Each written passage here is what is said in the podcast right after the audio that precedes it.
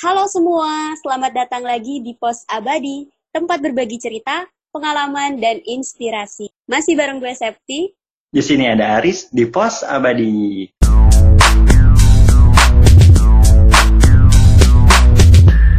Oh, oke. Nah, podcast kali ini kayaknya buat gue sih agak berat sih ya bahasannya gitu. Kita bakal bincang bareng lagi kali ini sama Kyle Dillon Ezra. Nah, Kyle ini mahasiswa dari biologi IPB, temen satu angkatan gue juga, dan dia ini aktif banget di bidang debat pokoknya namanya udah nggak diraguin lagi deh buat uh, masalah prestasi tentang debat competition gitu udah udah ke mana-mana lah. Nah, biar detail nih, kayak gue bakal langsung aja nih, pengen Kyle langsung kenalin diri ini El. Halo El. Halo Septi. El, boleh dong kenalin diri, terus biar lebih detail juga ceritain nih El dulu sampai sekarang ini udah debat di mana aja dan yang pengalaman terakhir debat itu sebagai apa sih? Boleh El? Oke, okay.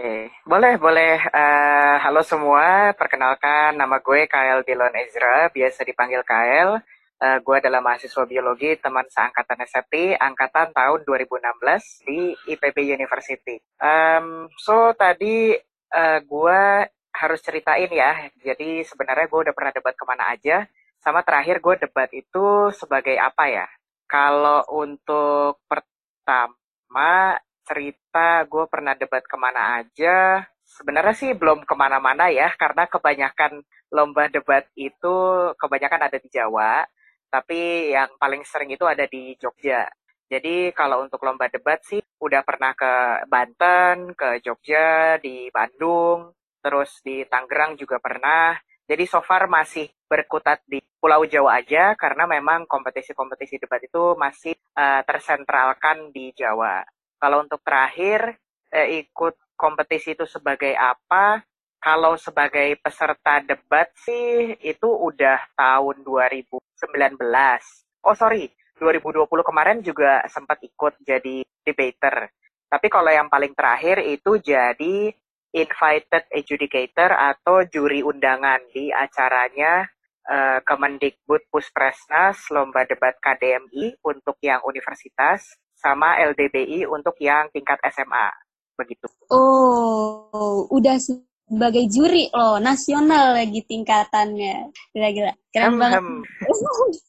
nah nih El nih, sebenarnya eh, kalau gue lihat-lihat nih debat itu kan bukan hal yang gampang ya yang nggak semua orang bisa gitu apalagi ditambah kita harus kasih argumen terus uh, public speaking yang oke okay, gitu dan dituntut buat berargumen bahkan kadang kalau gue lihat itu bisa tentang hal-hal yang justru kontrak sama kita gitu sebenarnya apa sih oh, yeah. bikin bikin lu seneng sama debat ini sampai terus ikut ikut lagi sampai bisa kayak sekarang Oke, okay, uh, eh, jadi sebenarnya gue dulu tuh nggak tahu apa-apa soal debat. Waktu SMA itu, pernah diadakan kompetisi lomba debat di sekolah gua, tapi dia kayak model class meeting gitu, antar kelas dan hanya diadakan internal satu sekolah. Nah, terus hamin beberapa jam ini tiba-tiba temen gue ada yang bail out dari kelas gue. Jadi dia uh, bilang, mau nggak lu gantiin gue? Kalau lu mau, udah lu aja yang berangkat, wakilin kelas kita. Nah, akhirnya gue uh, menggantikan dia, terus out of nowhere ternyata menang di tingkat sekolah, jadi juara satu. Nah, di situ tiba-tiba setelah selesai uh, penghargaan, guru bahasa Inggris gue nyamperin uh, satu tim itu dan bilang, kalian nanti besok ikut lomba debat ya di Mercubuana. Kita juga kaget tuh di situ, nggak ada persiapan apa-apa dan nggak kira bakal ikut lomba. Eh, ternyata tiba-tiba ini adalah persiapan memilih tim untuk ikut uh, lomba debat di Mercubuana pada saat itu bertepatan juga dengan lomba NUI atau National University Debating Championship yang diadakan di Mercu, tapi ada juga nih yang buat SMA-nya. Nah itu lomba pertama uh, cukup mengejutkan juga buat kita soalnya kita berhasil dapat juara tiga dan kebetulan gue di situ berhasil dapat uh, penghargaan Best Speaker. Nah sejak saat itu kayak gue menemukan sesuatu yang baru yang selama ini gue nggak tahu dan cukup exciting ya buat gue pribadi. Soalnya kayak itu kan adalah forum kita untuk uh, discuss dan uh, saling beradu ide argumen dan itu gue belum pernah temukan. Terus akhirnya tahun depannya ikut lagi di kompetisi yang sama. Akhirnya juara tiga lagi. Terus habis itu gue pas masuk kuliah uh, masih tertarik dengan dunia debat. Dan ternyata gue menemukan bahwa oh ada loh komunitas debat yang lebih besar lagi dan bahkan setiap kampus itu punya yang namanya EDS atau English Debating Society. Akhirnya gue join waktu sejak masuk IPB dan terus deh sampai sekarang gitu. Oh, tapi hal yang bikin lu tertarik banget buat terus ikutan itu apa sebenarnya? Yang bikin lu uh, tertarik banget gitu? Uh, kalau tertarik banget itu gue benar-benar menemukan hal yang menurut gue itu sangat bagus untuk pengembangan diri gue sendiri. Kayak pada awalnya ini bukan hanya sekedar kita public speaking, karena kalau orang uh, pada umumnya kan mengetahui debat itu, oh butuh public speaking, oh butuh uh, confidence ya atau kepercayaan diri, oh butuh uh, argumen gitu. Tapi ternyata nggak sekedar sampai di sana gitu. Tidak hanya bicara struktur argumen yang bagus itu seperti apa, struktur berpidato yang bagus itu seperti apa, uh, bagaimana cara kita merespon suatu ide atau argumen dari orang lain. Kalau kita mau analisis argumen itu, uh, analisisnya caranya bagaimana, kita lihat apanya dulu. Tapi juga tipe-tipe pemikiran dan argumen yang menurut gue itu baru banget. Contohnya mungkin banyak, uh, gue juga sering kadang sharing di uh, story, kalau misalkan gue nemu mosi yang aneh-aneh. Katakanlah ada sebuah mosi yang mengatakan, mungkin kita semua di sini tahu Harry Potter ya, Septi Haris tahu Harry Potter kan? Yeah. Nah, uh, oh, kalian tahu kan kalau misalkan anak baru mau masuk Harry Potter itu dia pakai topi yang nentuin dia masuk uh, asrama mana.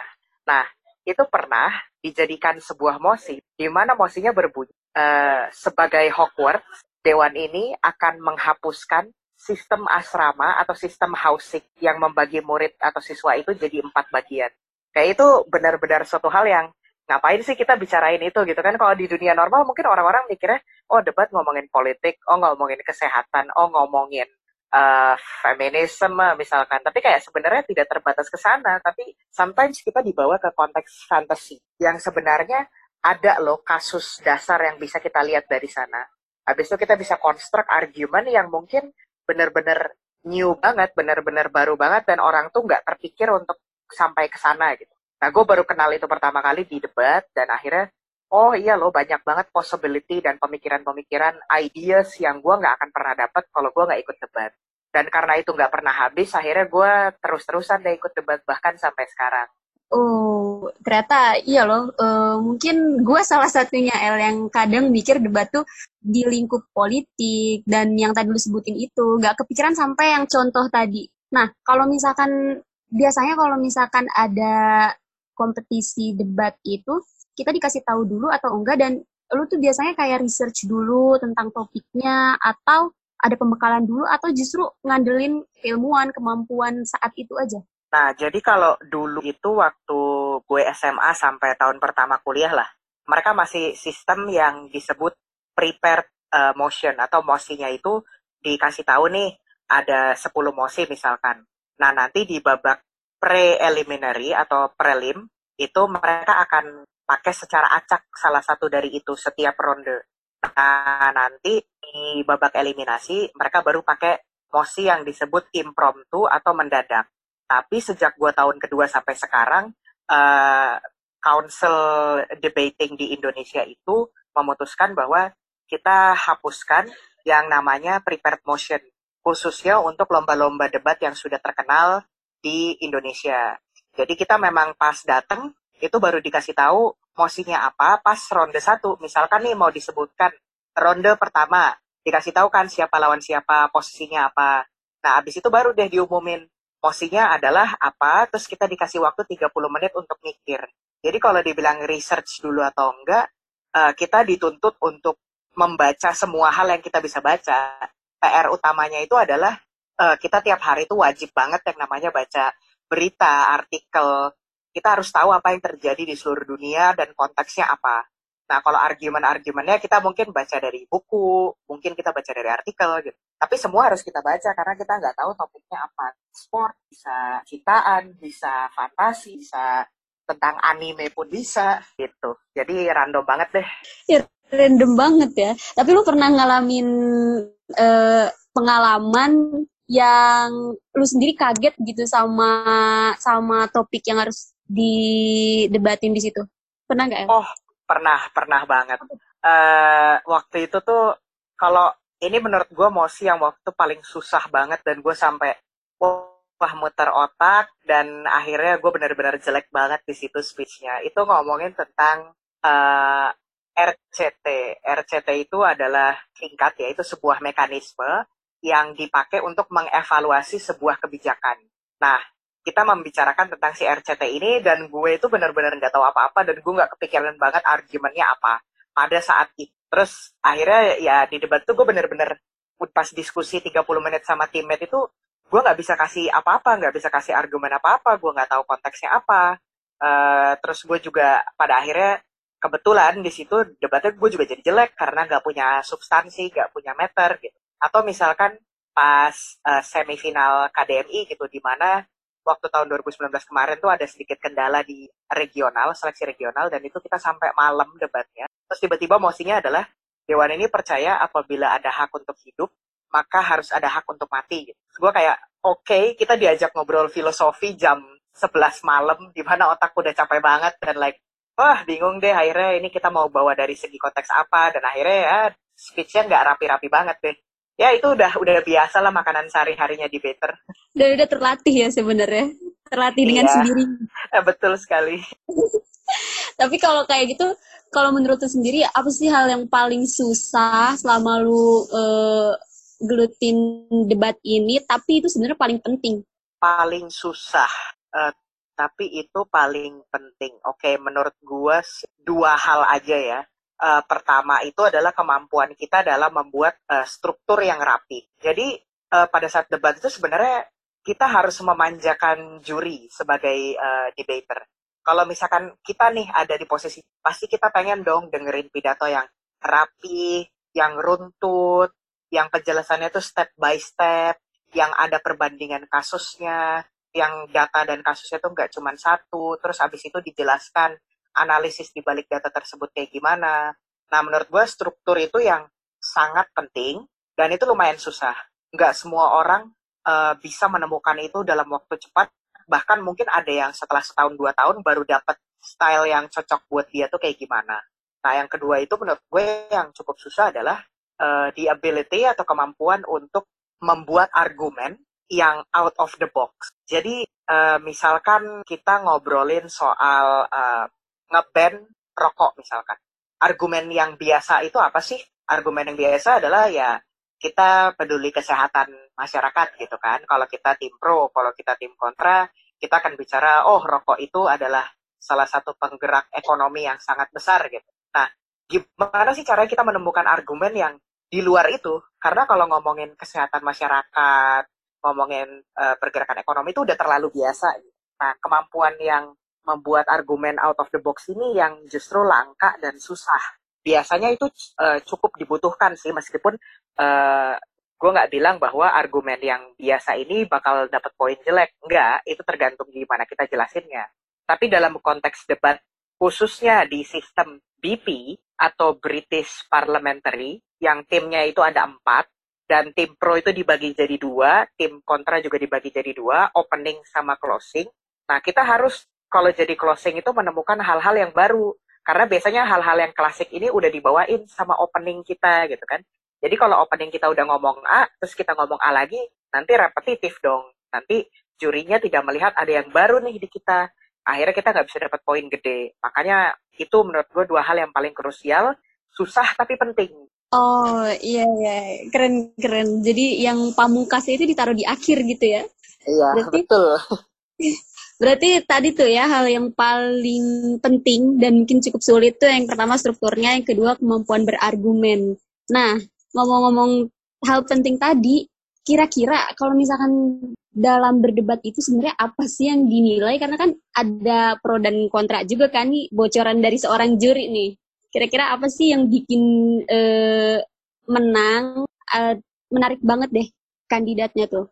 Oke, okay, um, jadi dalam debat bahasa Inggris ya ini sudah menjadi sebuah norma yang udah tidak ada lagi yang mempertanyakan ini. Tapi mungkin beberapa lomba debat yang bahasa Indonesia itu masih uh, tidak setuju dengan penilaian penilaian-penilaian yang biasa dipakai sama kita di juri juri-juri lomba debat kalau di uh, lomba bahasa Inggris. Jadi sebenarnya yang dinilai itu kita paling mementingkan dan mengutamakan yang namanya matter atau substansi. Ya, jadi yang namanya manner kita dan yang namanya uh, metode, kalau metode itu kan sebenarnya berkaitan dengan cara penyampaian kita, struktur. Nah, itu pasti akan berkontribusi ke seberapa jelas pidato kita dan seberapa mudah juri mencerna pidato kita. Tapi kalau untuk segi manner, uh, itu kita kesampingkan dulu. Mohon maaf, bukan dalam artian, oh berarti kita bisa ngomong sekasar-kasarnya dan lain sebagainya di pidato dong. Uh, kita tidak mengencourage itu ya, kita tidak menyarankan. Tapi kita mengatakan utamakan substansi dan matter. Jadi terlepas mungkin kita tidak uh, eye contact terlalu banyak sama peserta dan juri misalkan.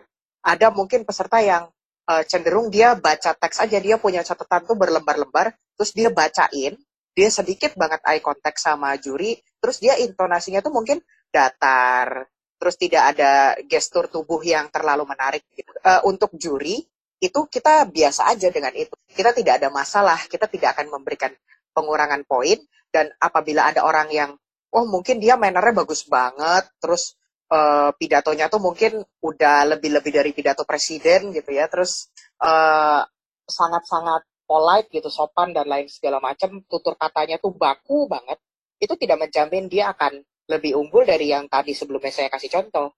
Itu bergantung sama materi yang dia bawakan, substansinya apa, argumennya apa. Uh, kalau argumen itu dibagi strukturnya kan ada yang paling umum itu arel kan, ada asersi ya, ide utamanya apa, terus ada reasoning atau alasan di balik uh, ide utama itu, terus dia kasih example dan evidence gitu kan, contoh dan bukti, habis itu dia konklusikan lagi. Jadi yang penting tuh itu yang kita lihat utama.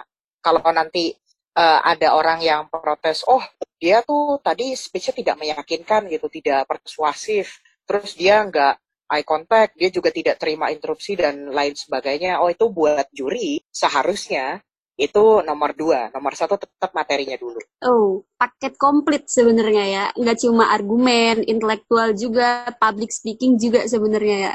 Iya, idealnya sih seperti itu. Oke. Okay. Uh, eh, ini kayaknya Aris mau mulai bertanya. Oke. Okay. Nah, jadi gini ini El. Jadi kalau misalnya di sini tuh safety yang benar-benar gue yang kurang-kurang gitu pertanyaannya. jadi gue mau nanya nih El, dari segi pengalaman lu dalam debat ya, lu yeah. pernah ngasih nemuin kayak teman lu atau lawan teman lu kayak ngasih argumen atau pidato tuh kayak ini orang apaan sih nggak jelas lu pernah gitu nggak sih El ngerasa kok ini orang nggak jelas banget gitu. uh, Oke, okay. uh, eh, pertanyaan yang menarik. Uh, gue pernah. Kalau kalau kalau tim lawan yang pidatonya gue like what the hell gitu kayak ini kok kok argumen lu kayak gitu gitu. Itu pernah pernah banget pasti. Tapi kalau uh, teammate uh, tim uh, teman gue sendiri, aduh kok lu speechnya kayak gitu sih? Itu juga pernah. Tentunya itu juga pernah. Uh, tapi itu nggak nggak sesering tim lawan sih. Dan biasanya kalau uh, tim gue ada yang atau teammate gue ada yang kayak gitu ya akhirnya gue juga mempertanyakan gitu ini salah siapa ya? Apakah salah gue karena kurang ngingetin? Atau gue ngejelasinnya kurang jelas? Atau dia aja yang imajinasinya liar? gitu. Ya itu itu kayaknya sih semua debater harusnya pernah ngalamin deh. Btw kalau misalnya begitu buat memperbaiki situasi gitu kan biar nilainya nggak kurang-kurang amat uh, apakah teman-teman nggak backup gitu kalau misalnya yang aneh itu temen lu satu tim lu gitu El? Oh, uh, itu bisa di backup, itu bisa diselamatkan hanya apabila uh, misalkan nih kan debat itu kalau yang biasa yang Asian Parliamentary itu kan tiga lawan tiga. Nah misalkan lu pembicara kedua nih, terus pembicara pertama lu ngaco nih, ngaco banget deh. Nah lu masih bisa menyelamatkan tuh sebagai pembicara kedua. Kayak lu bisa coba set up ulang konteksnya, lu bisa coba uh, kasih argumen-argumen yang harusnya dibawain sama pembicara pertama lu tadi. Cuman itu tidak menjamin tim lu akan terselamatkan. Karena ya mau gimana lagi kan dia tidak akan dapat kesempatan untuk mengulang pidatonya nih temen lu yang ngaco ini. Jadi ya lu bisa memperbaiki itu tapi tetap uh, tim lu uh, stance-nya itu pasti melemah dibandingkan dengan tim lawan kalau tim lawannya bener. Nah, apalagi kalau misalkan lu pembicara pertama, terus pembicara kedua dan pembicara ketiga tim lu ngaco. Nah, udah. Uh, lu cuman bisa duduk di sana sambil tepok jidat atau ya sambil ketawa-ketawa aja. Tapi itu itu gak sih El merusak pertemanan gak sih kan soalnya oh. misalnya speaker pertama nih, speaker pertama ngaco, terus speaker keduanya uh. dipatahin, ya kan? Uh, membackup gitu ya. Tapi kayak abis itu kayak speaker pertamanya pasti kan baper gitu gak sih? Kayak, aduh, kayaknya kok gue dipatahin gitu sama temen gue sendiri. Pernah ngerasa gitu gak sih? Oke okay, gini, jadi dalam dunia perdebatan tuh kita uh, kita semua mostly rasional ya. Kita bukan orang yang baper tanpa alasan gitu. Ya mungkin si pembicara pertama nih baper nih setelah kok speech lu bertentangan sih sama apa yang gue bilang tadi? Gitu kan. Nah kalau gue bisa menjelaskan ke dia dan memang di situ kasusnya dia yang salah dia pasti terima. Harusnya ya harusnya. Tapi kalau yang sampai merusak pertemanan banget sampai yang benar-benar break timnya uh, itu langka tapi pernah terjadi. Ya gue juga sendiri pernah melihat secara langsung fenomena itu di mana uh, ada dua speaker di satu tim yang itu tuh kerjanya berantem mulu. Terus habis itu satu speaker yang di tengah-tengah nih kayak cuma bisa diem terus bingung harus ngapain. Ya itu lang itu tidak tidak tidak sering tapi ada. Oh, oke. Okay. gue ngebayangin sih. Berarti uh, untuk jadi tim debat itu dibutuhkan apa nih ya kalau misalnya untuk mengurangi hal-hal seperti itu gitu. untuk jadi tim ya uh, tim debat apalagi kalau untuk oke okay, kalau untuk jadi tim sebenarnya gini menurut gue prerequisite ya atau syarat utama itu yang pasti kalau bisa tiga-tiganya pinter pinter nih dalam okay. artian uh, dari segi wawasan dari segi pengalaman debat kalau bisa pinter karena jujur aja kasihan kalau ada satu orang nih misalkan yang mungkin dia pengalaman debatnya minim dan mungkin pola pikir serta wawasannya belum seluas dua temannya yang mungkin udah lomba ke mana-mana. Nah itu kasihan uh, dua temannya ini karena kalau ketemu tim yang sepadan bagus susah mereka berdua untuk uh, menutupi kekurangan dari tim teammate ini. Jadi tetap kalau bisa pertama wawa dari segi wawasan dan intelektual uh, pengalaman debatnya bisa sama. Kedua itu chemistry. Chemistry ini jelas sih yang namanya tim itu kan pasti butuh chemistry. Tapi maksudnya chemistry sini adalah cukup kenal aja, cukup tahu kayak misalkan oh gue udah kenal nih sama Aris, misalkan kita bertiga setim nih sama Septi. Nah Aris tuh pembicara pertama, Septi itu pembicara ketiga. Gue misalkan sebagai pembicara kedua nih, gue bilang kan waktu case building tuh waktu 30 menit diskusi sebelum debat habis dikasih tahu Mosi. Eh, kayaknya ini kita ngarahin debatnya gini gini gini deh, konteksnya ini gitu. Terus Aris lu setuju, Septi setuju, terus oh iya iya kayaknya gue bakal bawa ini ini ini deh terus udah tuh kalau misalkan gue sudah kenal sama Aris kan gue akhirnya tidak perlu uh, ngobrol detail panjang lebar karena gue udah yakin gue udah tahu oh Aris bakal bawa satu dua tiga. Berarti gue bisa kembangin di eh, empat lima enam topik yang lain yang belum dibawa Aris. Terus misalkan gue tahu oh Aris nih suka kurang nih di bagian uh, mekanisme. Mekanismenya kadang dia suka ketinggalan ini. Nah gue bisa pastiin kasih tahu dia misalkan bikin catatan khusus buat lu terus gue kasih supaya lu nggak lupa.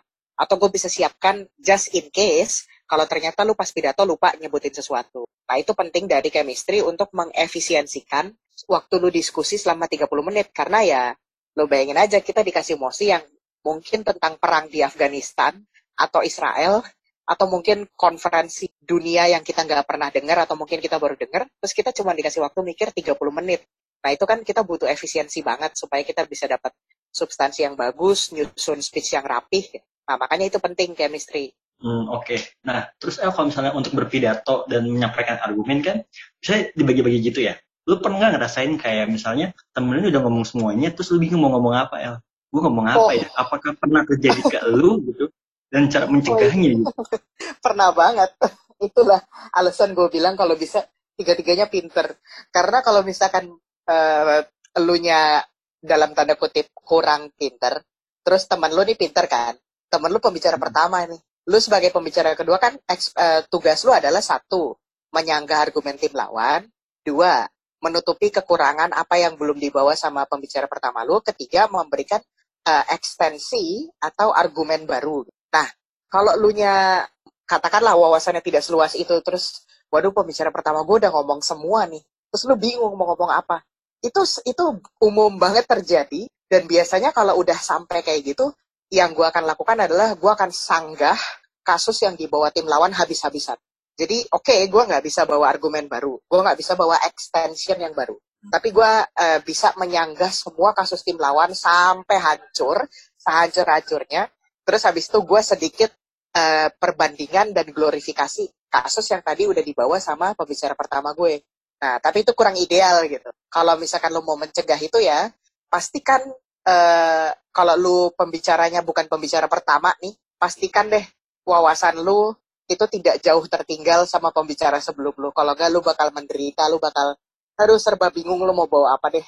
Berarti kesimpulannya kalau misalnya teman kita nih apa kita ngerasa bahwa teman uh, speaker pertama kita itu jadi itu udah ngomong semuanya berarti itu uh, pure kesalahan bahwa kita ini kurang berwawasan bukan kesalahan uh, teman kita kan kurang briefing atau gimana uh, iya menurut menurut gue sih itu pure kesalahan kita aja yang mungkin kita kurang wawasan karena uh, sepengalaman gue ya, yang pertama jarang banget ada seorang speaker yang bisa membawakan seluruh possible argumen, maksudnya misalkan kita bicara tentang uh, emosi tertentu, misalkan argumennya itu yang kemungkinan dibawa ada satu, dua, tiga.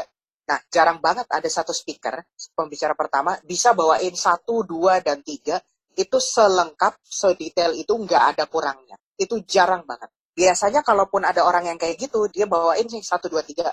Itu pasti banyak kurangnya pasti banyak bolongnya yang nggak istilahnya kalau kita bilang sebagai juri itu nggak tuntas atau nggak ada ujung. Jadi kalau dia ngomong gini terus kita sebagai juri kan menanyakan ya terus kenapa? Ya terus kenapa? Gitu. Nah itu belum belum terjawab sampai habis tuh. Nah itu kan sebagai pembicara kedua harusnya bisa uh, menutupi itu dan melanjutkan itu nah tapi biasanya mereka tuh paling cukup bawa satu atau dua argumen doang dan waktu mereka udah habis Nah, kalau kita sebagai second speaker tuh benar-benar bingung mau ngomong apa, nggak ada argumen.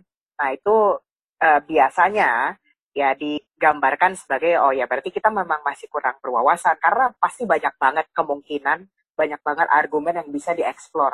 Cuma kitanya aja nggak kepikiran ke sana. Hmm, oke okay, oke. Okay. Oke, okay, mungkin gue ke pertanyaan selanjutnya kali ya. Untuk masalah emosi atau topik-topik emosi itu topik kan maksudnya ya?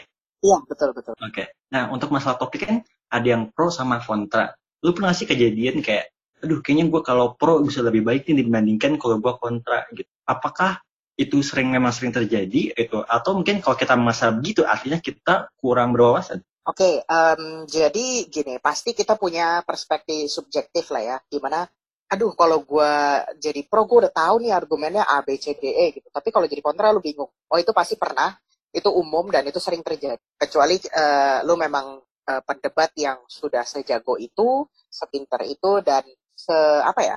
Try, uh, mungkin latihan lu se sekeras itulah ya. Tapi untuk orang-orang pada umumnya itu pasti pernah kejadian. Nah, kalau dibilang apa itu artinya kita kurang berwawasan? Well, bisa dibilang begitu. Tapi itu manusiawi. Karena uh, contohnya gini, misalkan ada uh, mosi nih, di mana dewan ini akan uh, merelokasi keluarga mantan anggota ex kombatan kayak ISIS ke hmm. suatu hmm. uh, lokasi khusus gitu. Jadi misalkan konteks saya ini adalah misalkan nih Aris uh, mantan ISIS. Nah, nanti Aris sama keluar sama keluarganya nih misal itu akan direlokasi nih ke sebuah fasilitas khusus. Nah, kalau lu jadi tim pro, misalkan gua nih mikir kayak itu nggak fair dong, kan yang melakukan kesalahan Aris. Kenapa keluarganya harus dihukum untuk itu dan segala macam gitu. Nah, gua akan condong ke tim kontra, gue akan condong, oh kalau gue jadi kontra, gue akan bawa argumen kayak ini uh, secara prinsip menyalahi uh, aturan gitu. Ini ini menyalahi prinsip karena pada prinsipnya orang dewasa bertanggung jawab atas uh, aktivitas dan kegiatannya masing-masing. Terus keluarga itu tidak punya kemampuan sebesar itu untuk misalkan mengubah keputusan orang yang sudah dewasa, sudah punya KTP, sudah bisa menentukan pilihannya sendiri. Gitu. Nah, tapi kalau gue jadi tim pro, gue bingung kan mau ngomong apa kayak aduh gimana ya ini gak fair banget gitu ya. Pada akhirnya itulah kenapa debat itu menurut gue bagus karena kadang kita dipaksa untuk berusaha melihat apa sih yang dipikirkan dan apa yang dilihat oleh tim sebelah atau oposisi oposisi. Dalam kasus ini adalah oposisi yang bertentangan dengan apa yang lu percaya dan apa yang lu suka. Karena orang-orang tuh cenderung menurut gue sekarang itu ya mereka hanya berkutat di apa yang mereka percayai, tapi mereka tuh nggak mau ngerti, nggak mau denger, dan nggak mau memahami sebenarnya apa yang terjadi di kubu oposisi dari apa yang mereka pikirkan. Gitu. Yang pada akhirnya timbullah uh, orang-orang radikalisme, orang-orang yang memang uh, keras kepala, orang yang ya bisa dilihat lah di lingkungan kita sekarang kan juga mungkin banyak lah ya di Indonesia. Makanya menurut gue debat ini cukup uh, bagus dan cukup eksklusif untuk mengasah kita bisa melihat perspektif dua sisi. Kalau misalkan kita nggak bisa ya oke nggak apa-apa di debat itu mungkin kita kalah ya di ronde itu. Tapi kan habis itu kita bisa tanya sama jurinya gitu. Uh, harusnya saya bawa apa sih kalau di debat kayak gini? Argumen saya tadi udah bagus belum sih? Nah di situ kan kita dapat uh, insight yang lebih lagi. Oke nih El. Uh, mm, gue sebenarnya punya beberapa pertanyaan, tapi mungkin ini ya pertanyaan terakhir gue ya. Oke uh, oke. Okay, okay. Boleh nggak sih kita dalam debat pro atau kontra kita menyetujui gitu argumen dari uh, oposisi kita? Apakah itu sah atau memang lebih baik jangan atau gimana? Oke, okay, um, jadi.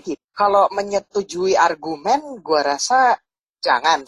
Kalau menyetujui argumen, tapi kalau menyetujui statement atau konteks itu boleh-boleh aja.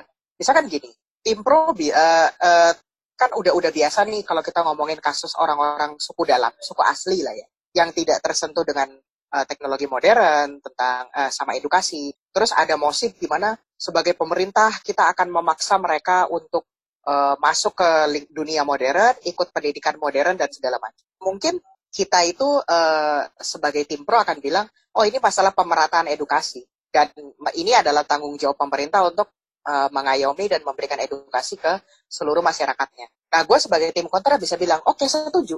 Memang tim pemerintah itu punya kewajiban dalam mengayomi dan memeratakan edukasi ke siapa pun terlepas dia siapa dan ada di mana. Betul itu. Tapi gue bisa bilang caranya nggak kayak gini. Karena cara lo ini tidak akan efektif. Atau cara lo ini tidak akan bisa mencapai tujuan awal lo yaitu memeratakan pendidikan dengan alasan A, B, C. Jadi sebenarnya tim kontra sama tim pro itu bisa punya satu tujuan, tapi cara mencapai tujuan itu pasti beda.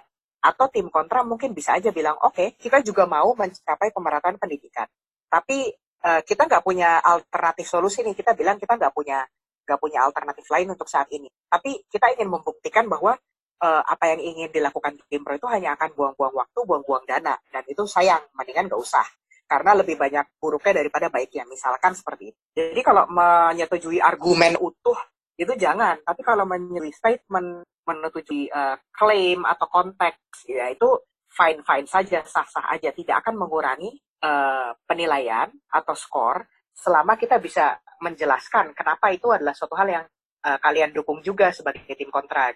BTW ini kenapa kenapa pertanyaannya pertanyaan terakhir, Riz? Kalau masih banyak kenapa gak ditanya aja? Dari gue pertanyaan terakhir dari uh, gue. Ah. Nah, okay, gue tadi jadi timbul pertanyaan baru nih El, gara-gara tadi lu sebelumnya ngebahas tentang radikal nih. Menurut lu nih ya, radikal uh, itu kan uh, adalah uh, bagaimana kita berpikir secara mendasar gitu.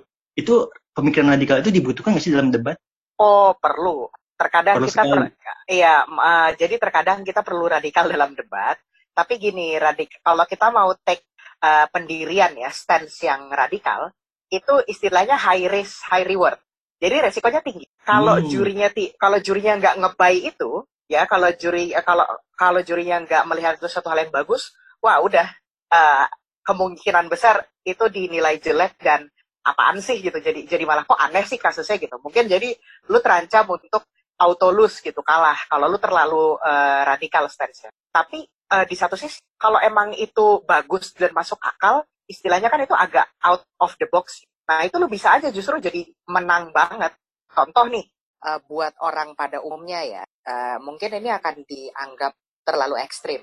Tapi kalau konteksnya, misalkan uh, sebagai uh, Amerika Serikat, de uh, Dewan ini akan uh, menutup seluruh perbatasan dan melarang uh, masuknya imigran serta mendeportasi atau mengeluarkan seluruh imigran yang ada di dalam Amerika Serikat kembali ke negara asal. Kira-kira kalau kita mendengar konteks itu, menurut kalian berdua itu kejam nggak sih? Mengetahui, uh, ya mengetahui konteks perang di Timur Tengah. Lumayan sih menurut gue. Kalau menurut Septi gimana? Iya, cukup kejam. Cukup kejam. Iya, kalau ya, juga. Kan? Soalnya, soalnya kita, lu bayangin aja gitu, mereka tuh jadi imigran tuh udah nggak punya rumah, jadi korban perang gitu kan. Nah sekarang lu jadi tim pro misalkan, um, lu tidak akan pakai argumen klasik yang oh kita sebagai Amerika Serikat lagi krisis ekonomi karena pandemi, lu nggak akan pakai argumen yang kayak oh kita tidak punya cukup fasilitas untuk menampung mereka gitu. Kalaupun kita biarkan mereka di sini, mereka justru tidak akan mendapat uh, treatment yang maksimal. Lebih baik dioper aja ke negara lain. Oh enggak, ada sebuah stance yang mungkin buat orang-orang umum cukup ekstrim dan gue sebagai tim pro gue bisa bilang gini. Uh, ya udah nggak apa-apa. Kita depak semua. Itu orang-orang uh, imigran yang dari uh, luar negeri itu yang ada di Amerika khususnya misalkan yang dari Timur Tengah itu. Terus kita akan tutup perbatasan rapat-rapat dengan alasan ya gue sebagai pemerintah uh, Amerika Serikat ini kan yang bisa melakukan hal ini cuma pemerintah Amerika Serikat. Nah berarti sebagai pemerintah gue nggak peduli sama apa yang terjadi di, uh, oleh dunia luar. Gue nggak peduli sama orang-orang korban perang yang ada di Timur Tengah. Sebagai pemerintah kewajiban gue adalah mengayomi dan melindungi mereka yang menjadi rakyat gue, mereka yang membayar pajak ke gue, dan mereka yang mengikuti tata aturan serta konstitusi yang berlaku di Amerika Serikat. Jadi kewajiban utama gue adalah melindungi dan memastikan masyarakat gue sejahtera. Masyarakat gue tidak kehabisan lapangan pekerjaan. Gue tidak, per, uh, gue punya cukup uang untuk mensubsidi rumah-rumah uh, untuk keluarga-keluarga kelas menengah ke bawah. Gitu. Nah, jadi gue tidak uh, tidak perlu mengeluarkan uang lebih untuk ngurusin imigran ini. Mendingan gue urusin masyarakat gue yang sudah jelas kewajiban gue adalah melindungi mereka. Jadi bodoh amat deh apa yang terjadi oleh dunia luar, apa yang terjadi kepada mereka terserah. Nah itu contoh aja. Ekstrim Cocok kan? sih, kapitalis emang. Iya kan? Ya itu example-nya kayak gitu sih salah satunya. Oh, Or okay. misal misalkan kita bicara soal uh, komunisme nih misal atau Marxisme gitu. Kan itu uh, ada di situ salah satu konsep yang menentang yang namanya private property. Jadi mereka tidak, uh, kalau nggak salah Marxis itu pernah uh, mendukung yang namanya kita ingin menghilangkan semua yang disebut private property. Jadi semua itu properti milik negara. Uh, jadi apa pun itu semua properti milik negara, rumah, tanah, segala bangunan segala macam. Nah maka uh, sebagai tim pro misalkan kayak ya udah emang buat apa orang-orang ini punya rumah, punya apa, punya properti kayak uh, bangunan dan segala macam. Orang mereka kan cuma butuh pemakaiannya doang, mereka cuma butuh pakai doang. Tapi mereka tidak butuh hak miliknya. Mereka tidak perlu punya titel, oh gue nih pemilik dari bangunan ini. Yang penting kan mereka bisa pakai. Nah selama pemerintah kasih itu ke mereka, ya buat apa mereka punya uh, hak milik terhadap properti tersebut? Nah, misal gue mau uh, se ekstrim itu, mungkin kan buat orang normal, ya gila lu nanti kan ada kasus kayak persekusi gara-gara eh, nggak uh, jelas ini surat-suratnya dan lain sebagainya. Atau misalkan ya, artinya pemerintah bisa kapan pun uh, mendepak lu keluar dari properti itu dong. Artinya lu uh, bisa kapan pun kehilangan properti itu kalau misalkan pemerintah uh, mengatakan demikian. Ya ya udah, emang kenapa? Pasti kan ada alasan ya misalkan pemerintah melakukan itu. Nggak mungkin pemerintah tiba-tiba aja uh, eh lu keluar dari rumah lu ini properti milik negara gue mau pakai buat yang lain. Kan pasti misalkan orang ini melakukan kejahatan lah atau melanggar sesuatu lah yang hukumannya adalah itu. Misal kayak gitu. Nah itu contoh-contoh yang mungkin eh, agak-agak ekstrim. Kalau gue pengen sebutin lagi sebenarnya masih ada dan masih banyak sih yang lebih ekstrim dari itu. Tapi ya kayaknya itu sudah cukup menggambarkan deh. Oh oke. Okay. uh, eh, dulu. El nih El, kalau misalnya nih, misalnya ya gue ngambil kasus yang sebelum ini, tadi kan sempat lu memberikan contoh misalnya gue uh, ISIS. Terus anak-anak gue misalnya ya akan ditangkap juga. Nah, untuk yang tim pro, artinya dia kan mendukung bahwa keluarga gue akan ditangkap karena misalnya alasan berpotensi untuk juga menyebarkan ISIS itu juga kan. Nah, tim kontranya misalnya kayak enggak dong itu nggak ada hubungannya gitu. Boleh nggak sih di antara kedua pro uh, kubu kon, uh, uh, pro atau kontra ini itu memberikan jalan tengah gitu. Misalnya gini, ya udah kita nggak perlu tangkep, kita cuci aja otaknya gitu. Nah kan dia kalau dicuci otak dia nggak mungkin memberikan eh, nggak uh, mungkin berpotensi untuk ini kan memberikan arahan-arahan ke orang yang terkait dengan wah benar baik itu menjadi ISIS gitu ya. Boleh nggak sih kita memberikan uh, jalan tengah gitu sebagai misalnya orang yang tim atau pro gitu? Uh, jadi gini, kalau contoh yang lu kasih tadi Riz, yang ya udah hmm. kita jangan jangan kita tangkap atau misalkan jangan kita relokasi gitu kan. Uh, tapi kita cuci aja otaknya. Itu bukan jalan tengah, Riz. itu namanya alternatif lain. Ya karena oh. uh, karena kan lu uh, sebenarnya nggak setuju aja sama caranya tim uh, pro sebagai tim kontra, lu mengakui kan berarti oke okay, mereka punya potensi nih berbahaya menyebarkan paham-paham radikalisme. Cuman cara lu aja beda. Kalau tim promonya direlokasi supaya aman, kalau lu ya udah kita cuci otak aja. Nah, kalau hmm. yang dibilang netral itu, misalkan lu tim kontra nih, lu bilang kayak e, oke okay, kita nggak mau mereka ditangkap. Kayak karena kita percaya mereka itu uh, baik kayak mereka itu oke okay, mereka punya potensi tapi kita yakin mereka itu baik dan mereka itu uh, pasti akan mau menjadi warga negara yang uh, baik lah istilahnya. Terus uh, atau misalkan lo mengakui oke okay, mereka punya potensi tapi ya udah kita juga nggak mau nih ikut tim pemerintah yang mau ngerelokasi mereka. Kita pokoknya ya udah kita kayak sekarang aja. Nah itu kan kayak nggak jelas jadinya. Kayak lo mengakui nih ada potensi bahaya tapi lu nggak jelasin gimana caranya lu bakal menghadapi potensi bahaya itu. Nah itu nggak boleh. Lu lu nggak boleh uh, bener-bener ngambil tim netral atau jalan tengah misalkan. Tapi kalau oh. lu pengen alternatif lain bisa. Oh berarti lebih uh, mungkin unsur ketiganya alternatif lain ya bukan bukan apa ya bukan netral ya? Itu nggak boleh netral gitu ya? Nggak boleh. Kalau netral mah udah pasti lu kemungkin, uh, kemungkinan besar bakal langsung dikalahin itu kemungkinan besar. Tapi kalau misalkan lu kasih alternatif lain maka beban lu adalah membuktikan kenapa alternatif lu lebih baik dari uh, proposal yang atau mekanisme yang ditawarkan oleh tim lawan. Misalkan lu mau bilang kalau oh uh, mereka itu, kita lebih baik karena kita lebih efisien dari segi pendanaan, terus kemungkinan berhasilnya lebih besar. Nah, beban lu adalah menjelaskan itu. Kalau lu kasih alternatif lain. Hmm, oke okay. Okay. Paham, paham, paham. Mungkin itu dari gue, El. Dari Septi mungkin ada lagi nggak, Sep? Oke, okay. El, gue mau uh, penasaran deh. Lu pernah nggak sih ngerasa diuntungkan eh apa ya kayak pernah ngerasa oh gue menang karena kebetulan aja mosinya atau lu kebetulan dapet yang sesuai banget sama yang lu pengen gitu ternyata lu pro di situ atau lu kontra di situ oh itu pernah banget itu sering jadi pas kebetulan kayak yes gue ngerti banget mosinya dan gue kebetulan ingin di tim pro misalkan. Gue merasa kayak kalau tim pro gue udah punya argumen yang konteksnya gini gini gini gini. Nah itu kebetulan gue dapetnya juga tim pro dan akhirnya menang itu uh, sering dan itu biasa.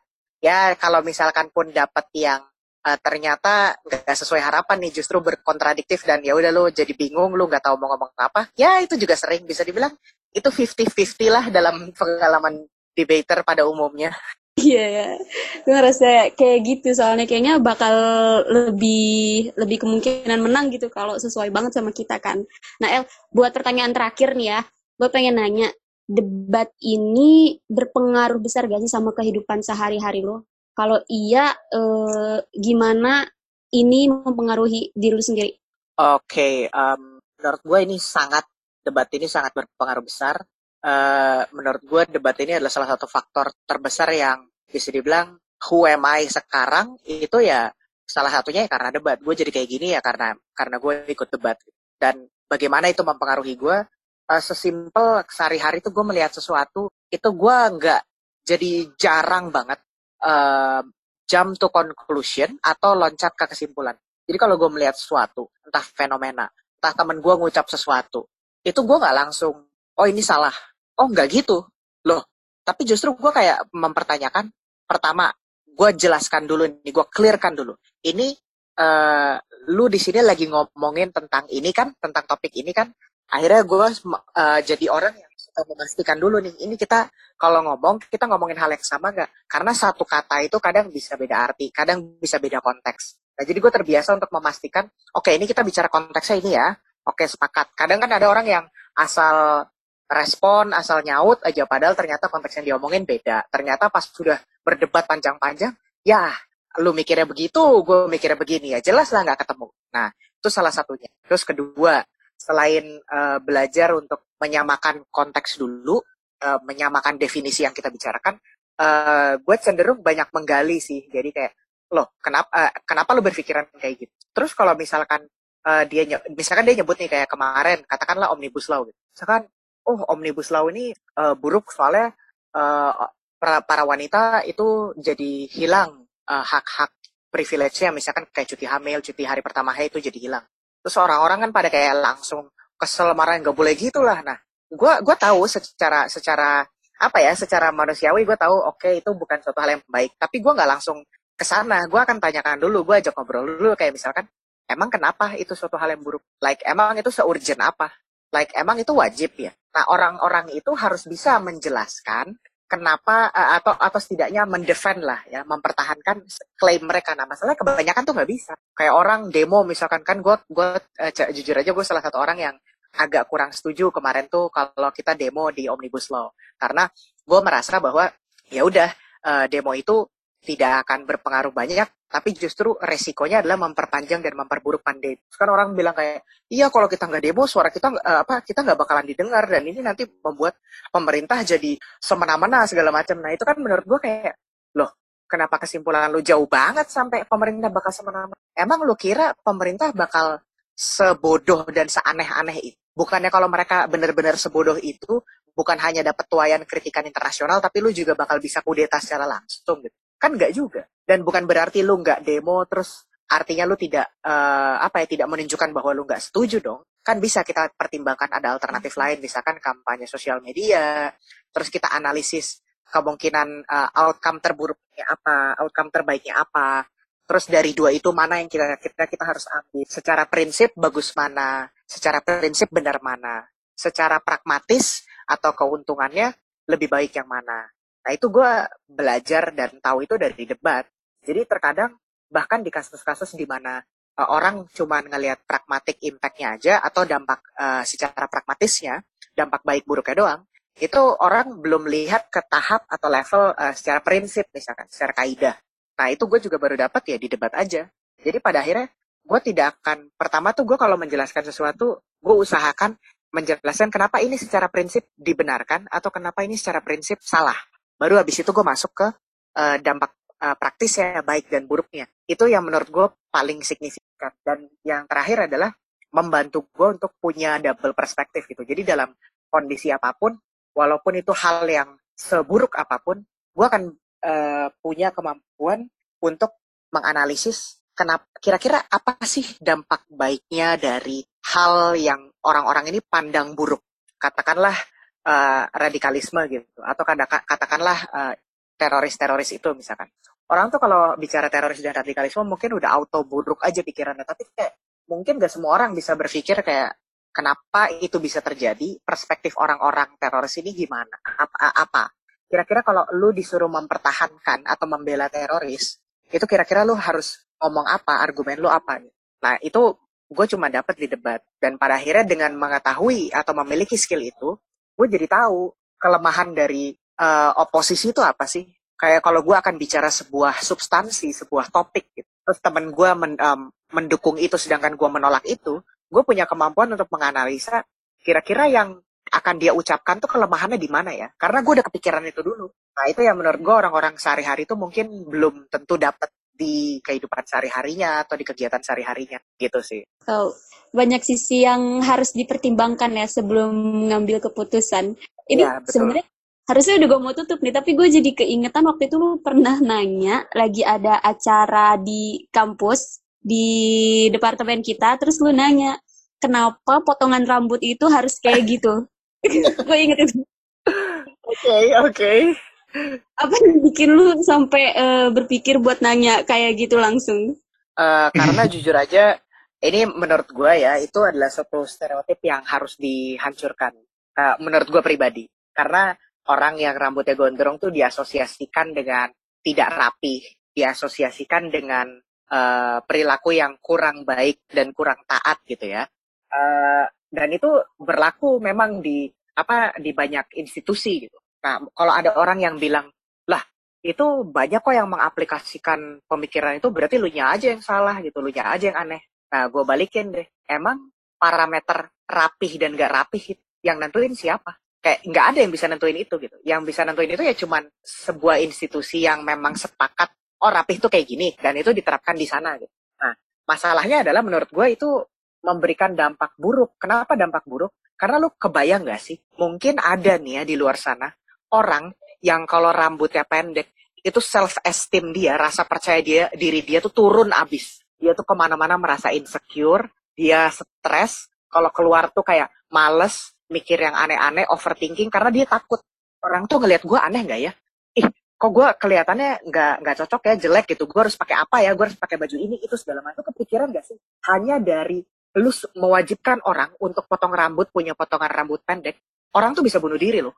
Mungkin orang-orang ini nggak nggak nggak nggak kepikiran sampai sana, tapi bisa aja ada orang yang kayak ada orang yang mungkin dengan rambutnya lebih panjang, dia merasa uh, lebih secure, lebih aman. Tapi apakah orang-orang ini peduli? Enggak kan? Nah itu adalah uh, salah satu pendorong yang kayak, oke, okay, gue harus tanyakan ini. Karena sebenarnya apa esensi rambut kita di nggak boleh panjang? Apakah itu uh, menyakiti orang lain? Enggak. Apakah itu melanggar hak orang lain? Enggak. Jadi landasannya apa? Nah itu yang gue pengen tahu waktu itu. Akhirnya gue tanyain kan. Dan ternyata pada saat itu yang gue tanya, yang gue tunjukkan pertanyaannya itu kan tenaga pendidik. Bahkan tenaga pendidik pun nggak bisa jawab. Dan jawabannya adalah sesimpel ya kan kita adanya di sini. Ya udah mau tidak mau kita harus mengikuti peraturan yang ada di sini. Betul itu gue tidak salahkan. Tapi artinya terbukti mereka bahkan tidak bisa uh, mempertahankan atau menjelaskan alasan dibalik aturan itu ada. Nah berarti kalau ada peraturan yang nggak bisa dijelaskan asal muasalnya tujuannya dan kepentingannya apa kira-kira aturan itu sepenting itu guys, seurgent itu gak sih? Nah, enggak kan? Kalau menurut gue sih begitu. Makanya waktu itu bisa muncul pertanyaan. Dan menurut gue itu nggak akan, gue mungkin nggak akan kepikiran nanya itu, or at least uh, gue nggak akan punya pemikiran sejauh itu yang tadi orang tuh self esteemnya rendah, bisa sampai bunuh diri segala macam. Kalau gue nggak ikut, pemikiran gue bisa sejauh dan sepanjang itu, step by step yang bisa kayak gitu ya karena gue terlatih di debat. Gitu. Ya, jadi seberpengaruh itu ya dari debat sama keseharian lo, cara pikir lo gitu. Uh, sampai okay. nanyain kenapa rambut nggak boleh gondrong. gue kira itu karena di karena lu sendiri rambutnya panjang gitu. uh. Oke, okay. uh, eh, El, buat penutup, uh, gue pengen ada closing statement dari lu tentang topik hari ini, tentang debat. Oke, okay, um, tentang debat, jadi debat itu tidak semudah yang kalian bayangkan, dan debat itu juga tidak sesulit apa yang kalian bayangkan. Debat itu kompleks. Debat itu sangat dinamis, tidak ada suatu hal yang absolut. Itulah yang diajarkan oleh debat. Apa pun itu kita harus bisa melihat kedua belah sih. Kita harus bisa analisa keduanya, keuntungan maupun kerugian dari kedua belah pihak. Dan menurut gue itu adalah suatu hal yang eksklusif dan itu suatu hal yang dibutuhkan untuk menumbuhkan rasa kemanusiaan kita yang ya di era sekarang sudah cukup banyak terkikis dan sepenting itu uh, debat berkontribusi ke pengembangan diri. So jangan ragu buat cobain, jangan ragu buat belajar. Insya Allah semua pasti akan berdampak baik kalau emang niatan lu buat belajar dan mengembangkan diri lu. Yap, tetap terus belajar dan ngembangin diri ya. Oke, okay, thank you El buat malam ini udah mau sharing di sini di pos abadi. Mudah-mudahan nanti kalau misalkan kita ajak ngobrol tentang topik lain juga mau ya. Dan oh, gak sibuk. Iya, iya. Iya, nggak apa-apa. Thank you banget gue juga udah diundang ke sini buat ngobrol. Nanti kalau mau ngobrol topik lain mah gampang tinggal kontak aja. Siap, oke. Okay. Oke okay, teman-teman, udah dulu. Kayak biasa, jangan lupa ambil manfaatnya dari uh, obrolan kita malam ini. Jangan lupa like dan share postingan kita di Instagram post.abadi. Dan share cerita kalian juga boleh lewat email postabadi postabadi.podcast@gmail.com. Bye bye. Thank you ya El. Sama-sama. Thank you El.